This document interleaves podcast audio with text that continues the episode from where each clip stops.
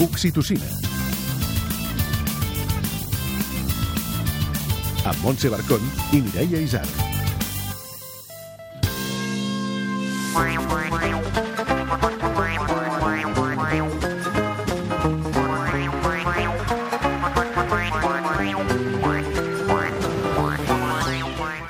l'Oxitocina sabrem si Guille Milky Way viu o no a la Casa Azul amb la seva família. Parlarem dels beneficis del porteig, que són molts més dels que us penseu, amb la Mar Morales de Cangura. I escoltarem també les recomanacions del culturista. I la cirereta, doncs com sempre, el conte d'un minut de la Montmas. Tot això i més a... L'Oxitocina!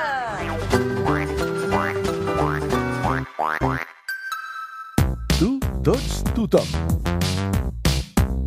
Hola, sóc Guillem Milky Way i sóc pare de, de dos nens, d'una nena de 9 anys i d'un nen de 6. Què no t'esperaves de la paternitat? Quan esperes eh, tenir fills, no? sempre estàs allà obsessionat a veure si seràs bon pare, a veure com faràs les coses, tot el tema molt centrat en els nens. I una cosa inesperada i absolutament meravellosa que m'ha passat a la meva vida és que això m'ha ajudat a, aconseguir l'equilibri com, a, com a persona, no? I no, no sé si és directament relacionat amb això, no? També coincideix amb un moment vital doncs, diferent, però crec que els nens et posen a puesto totalment.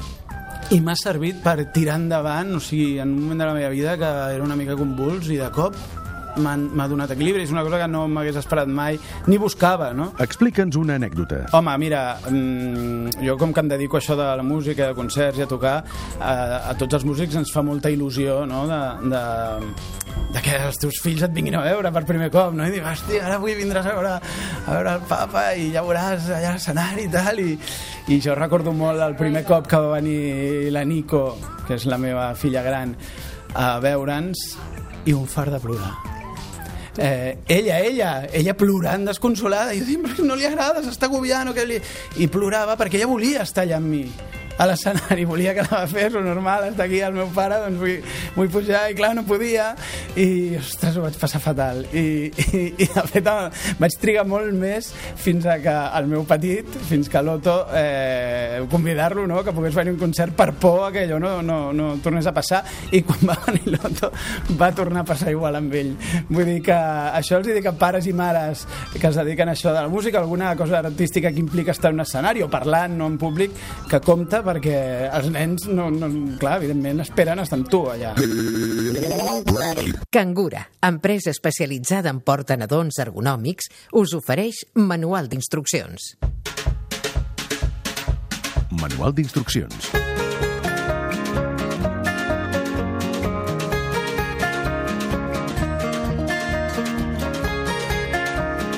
De les eines bàsiques per la criança, segons el nostre parer, és la motxilla ergonòmica. Sí, sobretot que sigui ergonòmica, si no ens podem fer mal a nosaltres, però sobretot, i el que és pitjor, als nostres nadons. Avui hem volgut convidar la Mar Morales, infermera, community manager, assessora de porteig, mare i dona hiperactiva. Sí, sí, sí, això està clar, eh? Benvinguda, Mar. Hola, bona tarda. I moltes gràcies per confiar en el nostre projecte, per cert per ser la nostra patrocinadora. Sí, perquè no ho hem dit, però ella és cangura. Bueno, vinc a representar Cangura, però Cangura som unes quantes. Mar, entrem en matèria? Som-hi. Vinga. Sunset talks, noon to walk. Didn't feel like a winter day. What to say through the way up against the winter tide. Fa molt de temps ja, Mireia. La temporada la temporada passada, passada sí, sí, vam parlar amb la Cris Moé del porteig i deien que portar el teu bebè és com un plaer, no? A més és la mar de pràctic perquè et permet fer coses, et deixa les mans lliures i pots fer coses a casa, però fora també. Perquè, per exemple, per anar en metro, ja sabeu que hi ha moltes estacions de metro que no hi ha ascensor. També si aneu a la muntanya o a la platja, és impossible anar en cotxet. En aquests casos, a més, el porteig és pràctic. O si tens un altre nen, pots anar amb- el nen més petit Ah, penjat exacte, i l'altre agafat de la mà. cotxet, tot, tot, tot són, tots són ventajas, que diu aquell. Però els beneficis del porteig van molt més enllà. Mar, per tu, quin és el principal? El principal segurament és que ajudes i acompanyes en el desenvolupament fisiològic de l'infant. S'ha d'entendre que els éssers humans no naixem preparats per caminar. Per tant, eh, els nens, els infants, necessiten ser portejats. Va, és, eh, és present a la natura, no, no és una cosa allò que diguis, ostres, portejo perquè més còmode, sí, és còmode, però a part d'això l'infant ho necessita per anar-se desenvolupant fins que s'aixecarà i caminarà. S'ha fet sempre, no? Diguéssim. És, Exacte, és És com la- inherent a, a, en els humans. Sí. Nosaltres hem de dir que el benefici més gran és que genera oxitocina! No pot ser d'altra manera. Però n'hi ha molts altres. Per exemple, també facilita la lactància materna, oi? Sí, molta gent, moltes mares venen uh, preguntant com poden donar el pit i amb un portabebès ergonòmic, amb qualsevol portabebès ergonòmic es pot donar el pit. Uh -huh. Hi ha molts tutorials, bueno, tant des de cangura, lacta, tot arreu, que és això, es pot donar el pit amb qualsevol portabebès ergonòmic, perquè recordem que és ergonòmic per l'infant, però també per l'adult, i això permet una llibertat de moviments increïble, com donar el pit al mig de l'Ikea quan el nen t'està muntant el drama del segle. Ah, sí, quin gran moment, aquell silenci, eh? Um, estem dient, donem per fet perquè ens ho va explicar la Cris, però bé, això de la motxilla ergonòmica, en què ens hem de fixar abans de comprar-ne una, així és molt ràpid, per recordar què vol dir motxilla ergonòmica. La motxilla ergonòmica és aquella que respecta eh, l'anatomia del bebè. Quan tu veus un bebè recent nascut, el nen neix, com aquell que diu, amb una forma de, de pilota. Jo ho comparo molt amb una papallona. Després s'obre, es veu com es trenca una bossa, s'han de veure molts parts. Hauríem de posar parts a les escoles, parts als instituts, per entendre una mica més l'espècie humana perquè no ens coneixem prou a nosaltres mateixos. Què passa? El bebè surt de la bossa i es desplega i és una... no té to muscular un bebè no cap, és a dir, sí que en tenen i llavors hi ha nens que tenen problemes que neixen molt poc, però nosaltres no, no ens podem agafar la nostra mare o el nostre pare com ho fa qualsevol altre primat, nosaltres no ho podem fer.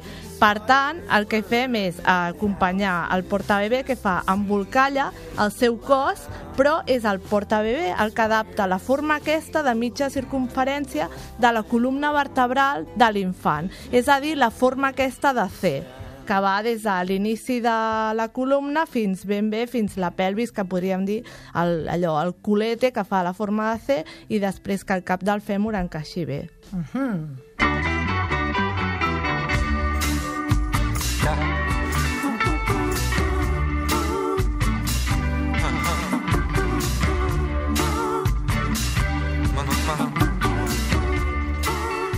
El porteig té un benefici emocional, físic i fins i tot clínic. Anirem per parts. Comencem pels emocionals, tant per nosaltres com per ells. Quins beneficis té? A nivell emocional, per nosaltres, per les dones, en aquest cas, redueix moltíssim el risc de patir una depressió postpart. Pel pare el fa servir, el fa sentir integrat en el moment aquell de part, lactància. Reforça el vincle amb- sí, amb- amb perquè el queden pare una o altres persones que el portegin. exclosos, sí. Pare o mare que no, mare no gestant. És un molt bon moment que la mare no gestant portegi perquè eh, activa tot el sistema d'apego, ella també, i llavors això. Sobretot per les dones reduïm molt el risc de patir una depressió postpart. I a nivell del, de l'infant, el bebè no s'estressa. Un bebè portejat dorm més, dorm més de dia i també dorm molt més durant la nit. I també ploren menys. Sí. Això, per tant, reverteix directament sobre La el nostre humor. Perquè no ens estressem. Exacte, vull dir que això és, uh, reporta també un benefici emocional per nosaltres. Uh, I, a més, uh, afavoreix també la- l'estimulació primerenca, no? Sí, a nivell de lactància estimules la secreció de llet, etc i fas que el bebè tingui més instint per agafar-se, però també a nivell muscular, un infant que ha sigut portejat després segurament caminarà més ràpid i més segur d'ell mateix que un nen que no ho ha sigut. Per què? Perquè mentre es portegem estimulem el sistema vestibular, que és aquell que després fa que ens mantinguem en equilibri. Uh -huh. Però fins i tot a, a, a nivell de, de, dels sentits, no? Diu que la, quan porteges està en un estat d'alerta tranquil·la, que sembla ser que és el millor estat per aprendre. Clar, perquè estan integrats a la societat. O sigui, no és el mateix viure al món des d'un cotxet, Que on només gairebé veus- no t'enteres de res, que no està a l'alçada dels adults, on constantment sents parlar. Clar, això és bàsic, el cervell va absorbint. Nosaltres naixem només amb el 25% més o menys del cervell.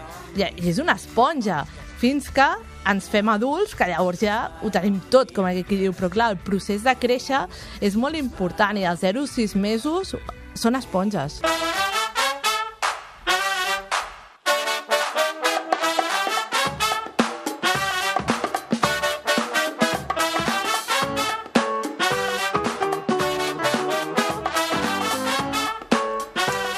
Hi ha molta gent que això que no sap fins a quin punt eh, és beneficiós eh, el tema del corteig fin, eh, en el desenvolupament de la cadera i la columna, que és eh, això que explicaves, però mm, també eh, beneficia el ritme cardíac, el respiratori, regula la temperatura. Explica'ns explica'ns tota aquesta...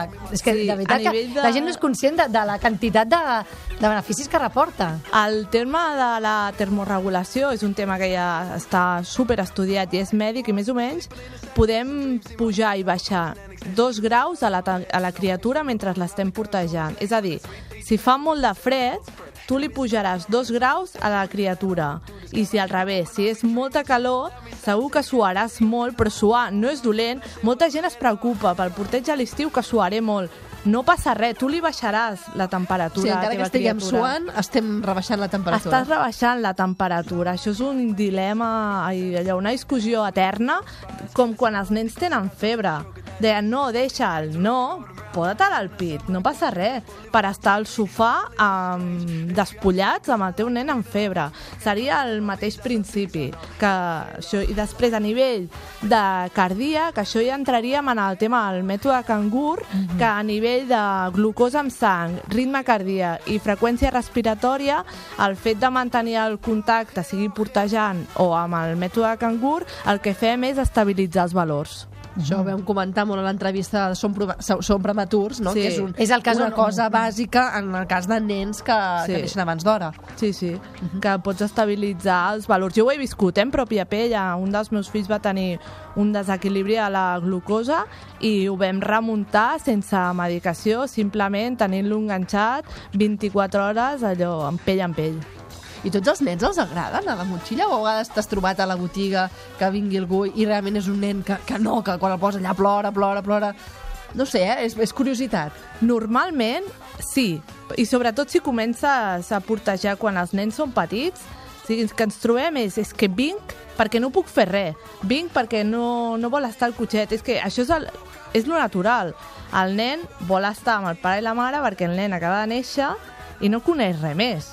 Per tant, necessita ser portejat.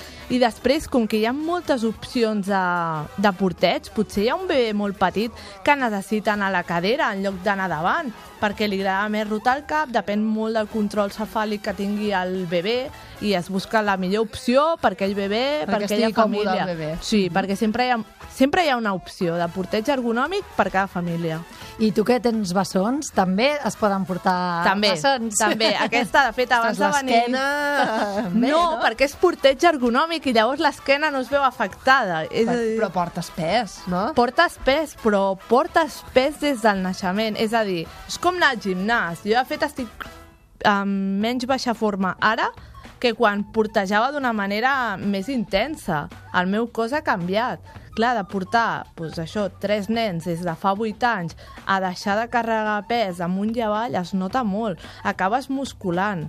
Llavors, clar, quan tu has portejat a un bebè des de petit, fins als 18 o 20 quilos, clar, el teu cos ja es va anat- adaptant. fent fort, però no? igualment també cal dir que el porteig intensiu és això, és fins que el nen descobreix que pot agafar un patinet o una moto i no et volen per res després. Això cal deixar-ho clar, no és, no és etern. El porteig no és etern, no se li ha de tenir por. Que a vegades ve la gent dient ai, és que ho necessito, però... No, he- caminarà. Sí que caminen, sí, Ja, ja i després Jo no volen de- saber res de tu. jo estic fent d'advocat del diable, home. No, no, tots, tots caminen. Jo no conec cap nen que després no hagi volgut caminar. Clar, home, això és, és imp- impossible i im- impensable. Deixem comentar també un parell de, de beneficis i amb això ja, ja acabarem, perquè n'hi ha més, eh? però ha dos que em semblen importants, és que ajuden als còlics. Sí, ajuden als còlics perquè és un tema molt important perquè van en vertical. Jo faig una reflexió a tots els adults, pares, mares que ens estiguin escoltant. Us imagineu vosaltres fer de ventre estirats tot el dia? Clar, això és el que li passa a un infant, no, no estava preparat per fer-ho estirat. Vull dir, els per, humans... deixar, per deixar anar els pedetes. No, vaja. és que els humans estem dissenyats per anar en vertical. Llavors, clar, molts nens, al col·locar-los a la motxilla i i posar-los en posició fisiològica, en aquell moment surten gasos, surt de tot. Però és, Ah, clar. Ja es queda gos. Eh, I es queda gust, i és natural, però moltes consultes que ens arriben o gent que ve derivada dels CAPs, hospitals i així per còlics aguts milloren al cap de res, de 48 hores de porteig. O sigui que en el camp de la sanitat ja són conscients i ja fins i tot Sí. uh, us envien i, i recepten, sí. entre cometes, el porteig. Sí, des de bebès prematurs, eh, també tenim diria pacients, clients, no sé ben bé com dir-ho, amb displàcies de cadera, arnesos, infants potser amb alguna discapacitat, hipotonia, que venen derivats, això, clínic, mm, Vall d'Hebron, Sant Joan de Déu, també tenim la Montse, que és la meva companya, que fa molts tallers als, als CAPs. Ah, és molt important, eh, això de, que dius dels, dels tallers, perquè no és només comprar la motxilla, sinó que és saber-la fer servir. Saber-te-la posar bé, no? Clar, i per això, esteu, per això està sí. cangura, no? Sí, sobretot que la gent eh, s'informi, que no hi hagi por de buscar, de buscar la informació. I que està bé eh, també que t'ajudi la teva cosina, la teva amiga, perquè és fer tribu. I això està molt bé, però també en cas de dubte doncs anar segurament al CAP que estiguis a prop potser es pot fer un taller. Clar. segur que s'està fent. Aquí a Barcelona cada setmana s'estan fent tallers de porteig ergonòmic en CAPs i tot és completament gratuït Mhm. Escolta, Marc, jo crec que hauràs de tornar un altre dia perquè ens expliquis a, entrant a l'univers de les motxilles i com posar-nos-la bé, no fer-nos mal i un, una mica un manual d'instruccions, mai millor dit, eh? Exacte. Tornaràs? i tant, quan vulgueu Moltes gràcies. Fins aviat. Anar tot arreu amb els nadons i fills petits és una satisfacció. Però perquè tothom estigui content i segur, s'han de saber portar. Cangura és una empresa especialista en portanadons ergonòmics. Això vol dir que respecten la fisiologia de la criatura i la de la persona que la porta al coll. És important que les mares i els pares també coneguin els abrics de portament, assessoraments, formacions i tallers que solucionen el transport de cada dia i en diferents circumstàncies. Sempre és millor que els nadons estiguin ben a prop de la mare i del pare. I compartir l'experiència de portar-los a coll proporciona contacte, llibertat i, sobretot, felicitat. Més informació a cangura.com. Whatsapps desesperats. Què millor un dia que has d'anar a buscar els dos nens que vas amb el carro i a l'altre l'has d'agafar de la mà perquè al col·le et donin un treball manual que has d'agafar amb una mà. Per tant, una mà amb el treball manual, l'altra mà al carro i l'altre nen que suelto pel carrer.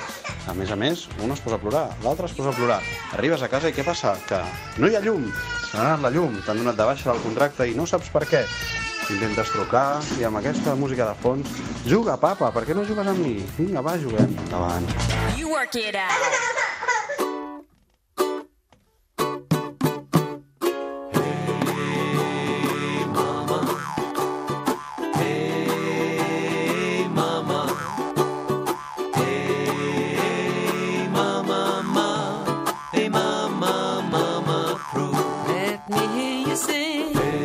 Ganes de tornar a sentir aquesta Mama, sintonia. amb el Bernau, Ja és està. aquí. Hola. Ja ens deixa anar la Montse. Ei, mamà. L'Alba no sap on posar-se. Diu, No, no. Està per agafar el patinet amb el qual ha vingut del seu fill corrents. i marxar corrents. Escolta, Alba, avui què ens portes? Mireu, avui us porto una escapadeta amb, amb cara i ulls, eh, de les que requereix una mica de maleteta per escampar la boira de veritat, i us la porto gràcies a la Norma, la nostra col·laboradora més viatgera. Ce qui sera de ce qui est, ce qu'il faudra de ce qu'il faut, ce qu'on devra de ce qu'on doit, ce qu'on fera et ce qui se refait, ce qui s'ajoute. I on ens n'anem de viatge? Doncs mira, ens n'anem a conèixer la regió del nord de la Cerdanya francesa que es diu Ariège. Ja perdonareu el meu francès, però jo ho intento, el eh? meu és menys 10. Tu és que tu pensé que no parle res. Jo, jo ho intento. Jo no que em prepar. Us explico.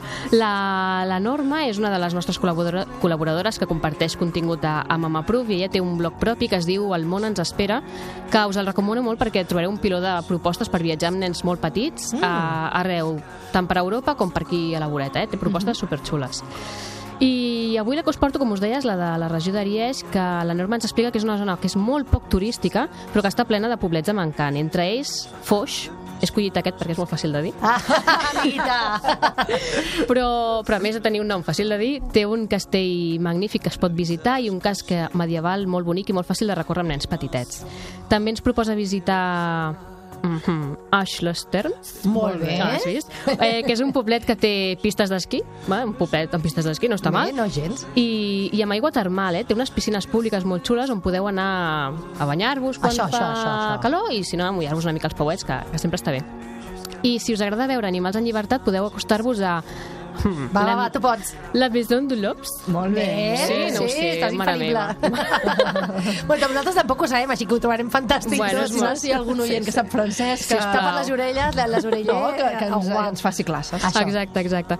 Doncs aquí, aquí trobareu una reserva natural de llops salvatges superxula de visitar. Oh, els nens veient llops. I a més a no més això deu estar més o menys a prop, vull dir que no deu ser gaire Sí, sí. estona. I a més segur que es menja bé, perquè a França es menja molt bé. També. I tant, això sí que... Doncs, doncs ja tenim tot. no és? Fantàstic. Tenim. Moltes gràcies, Alba. Perdona, el blog com es deia, per si algú té curiositat? Uh, el blog es la diu El Norma? món ens espera Perfecte. i tot i així trobareu les seves cròniques també al blog de Mama Proof.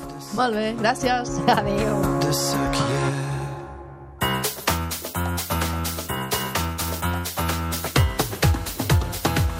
El culturista. No t'atreveixes a cantar, oi? No, ni de conya. Algun dia ho hem de fer, Laia. No. Ja tenim aquí la Laia Falcón, del Culturista, i ja volem saber què ens portes, què ens recomanes. Mira, doncs l'altre dia que parlàvem del passaport i que em vas Sí. preguntar si, el, no, si hi ha una mica de, De por, de, de por o respecte. respecte al tema cultural i parlàvem dels museus, uh Mhm. -huh. parlaré d'un equipament cultural, d'un centre d'art, que és a que està a Lleida. De fet, és un edifici d'època medieval que encara es conserven les, les És molt columnes. curiós l'edifici, És molt curiós. veure, sí. I està a plaça Panera i, de fet, es diu Centre d'Art La Panera. Uh -huh. Uh, us en parlaré perquè, a banda de ser una plataforma de producció, difusió, formació i exhibició d'arts visuals uh, del panorama actual del nostre país, i fa coses, vull dir, fa bienals, fa... Mm, o sigui, és molt important, uh -huh. el, tant a la zona com a nivell estatal, eh? Uh, la programació que té. Tenen un servei educatiu molt uh -huh. potent que per una banda forma docents i, i ofereix activitats perquè aquests docents sàpiguen tractar amb, amb els seus alumnes Ah, i això és molt infants. important, eh? Molt bé. Sí, la vinculació de les arts visuals, bueno, de fet és vincular tot el panorama actual d'art contemporani, uh -huh. que no només és visual, amb la resta de- d'arts relacionades. Llavors fan tallers barrejats amb literatura, cinema, arquitectura, disseny, ciència, fins i tot robòtica, però tot eh, partint de, de l'art. No? A part d'això, per docents, al centre fan, organitzen durant les vacances escolars, és a dir, Nadal, Setmana Setmana Santa. Santa eh, i estiu, tallers d'artistes. És a dir, un artista Ah! concret porta a terme un, un taller, són per nanos de 6 a 12 anys, i treballa això, la multidisciplinitat de l'art, no? des de eh, fotocòmica, fotografia, disseny, performance, fan de tot. I això de la mà d'un artista. Doncs fins aquí és molt interessant el que fan, però se, molts altres museus, no, centres, uh -huh. fan això, que ja, és, que ja és molt. Però, a part, fan, em fa temps, fa anys ja, eh, van crear un nou espai a dins del centre, que jo el trobo xulíssim, que és de, està vinculat amb el saber educatiu i el centre de documentació, que es diu Mini Panera. Ah! La Mini Panera és, un, és una zona d'accés lliure que compta amb una mini biblioteca amb llibres d'art contemporani adreçats a, als infants i a part d'això eh, té una programació fixa i, eh, diguem, variada, però Sí. sempre es va programant en aquell espai de jocs, activitats, i, el, i per mi una cosa fantàstica són les exposicions. O sigui, fan exposicions pròpies només... Només per, per pel petits. mini, exacte, pel, Ah. la mini panera, no? I, I les exposicions són superinteressants i, a més, molt ben pensades, ja no només la temàtica que, que s'exposa perquè sigui una cosa plaent tant per eh, els adults, em, pares, mares i família, com pels infants. Ahà. S'han fet, per exemple, un molt xulo eren diferents projectes artístics per conèixer les diferents tècniques d'estampació. No? Veure com eh, pots utilitzar materials com la fusta per estampar. O fins i tot materials orgànics. Exacte. Després una, va, va haver-hi una mostra molt xula al voltant del joc. I n'hi ha una prevista eh, que em sembla molt interessant, que es diu Sons d'aigua, que és al Pau Elias, que és una instal·lació sonora amb ampolles d'aigua de diferents Oh, textures, gust. colors i sons, i vius la, un, diguem, un joc sensorial amb la família. Que xulo! Sí, no sé encara quan, quan s'estrena eh, aquesta exposició, però és molt recomanable. I sobretot això, la, la idea de crear exposicions exclusives, que poden anar també adults, però que és eh, molt pensat al perfil a què et dirigeixes. Famílies, entreu a la web de la Panera, us informeu bé i no tingueu por, que l'art és molt necessari. Moltes gràcies, Laia. De res, a vosaltres. Contes d'un minut. La princesa Gudum Bon Katapum és famosa per ser una de les princeses més maldestres de totes les corts d'Europa. Porta una vida tràgica i una existència catastròfica. Cada vegada que riu, li agafa tortícolis. Atrapa insolacions en els llocs on hi ha ombra i s'indigesta de beure fins i tot aigua. Trenca tot el que toca i a la seva vida és un continu, continu sobresalt. De fet, han decidit portar-la a una illa deserta. I ella està tan malhumorada tant que es passa els dies i les nits pensant quin és el seu pla per escapar d'allà. Però el que passa és que tots, tots fallen. I ara, com sempre, un missatge des de l'ofici d'educar.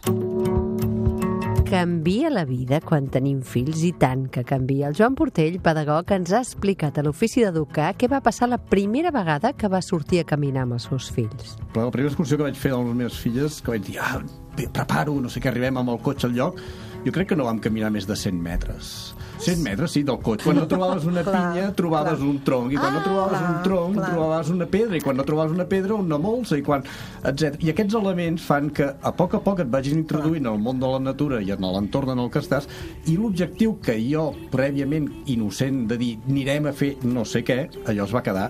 Em van fer un bany d'humilitat i renunciar a aquella idea que tenies quan no tenies fills, que és a dir, vaig a fer no sé quin cim, em passaré tres dies, m'és igual si passo gana. No, no, no, atenció.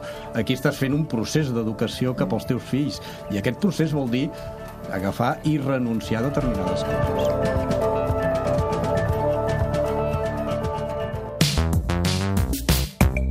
Un consell per acabar. Buah, això és fatal. A més, mai m'han agradat aquests consells de la meva forma de criar, no?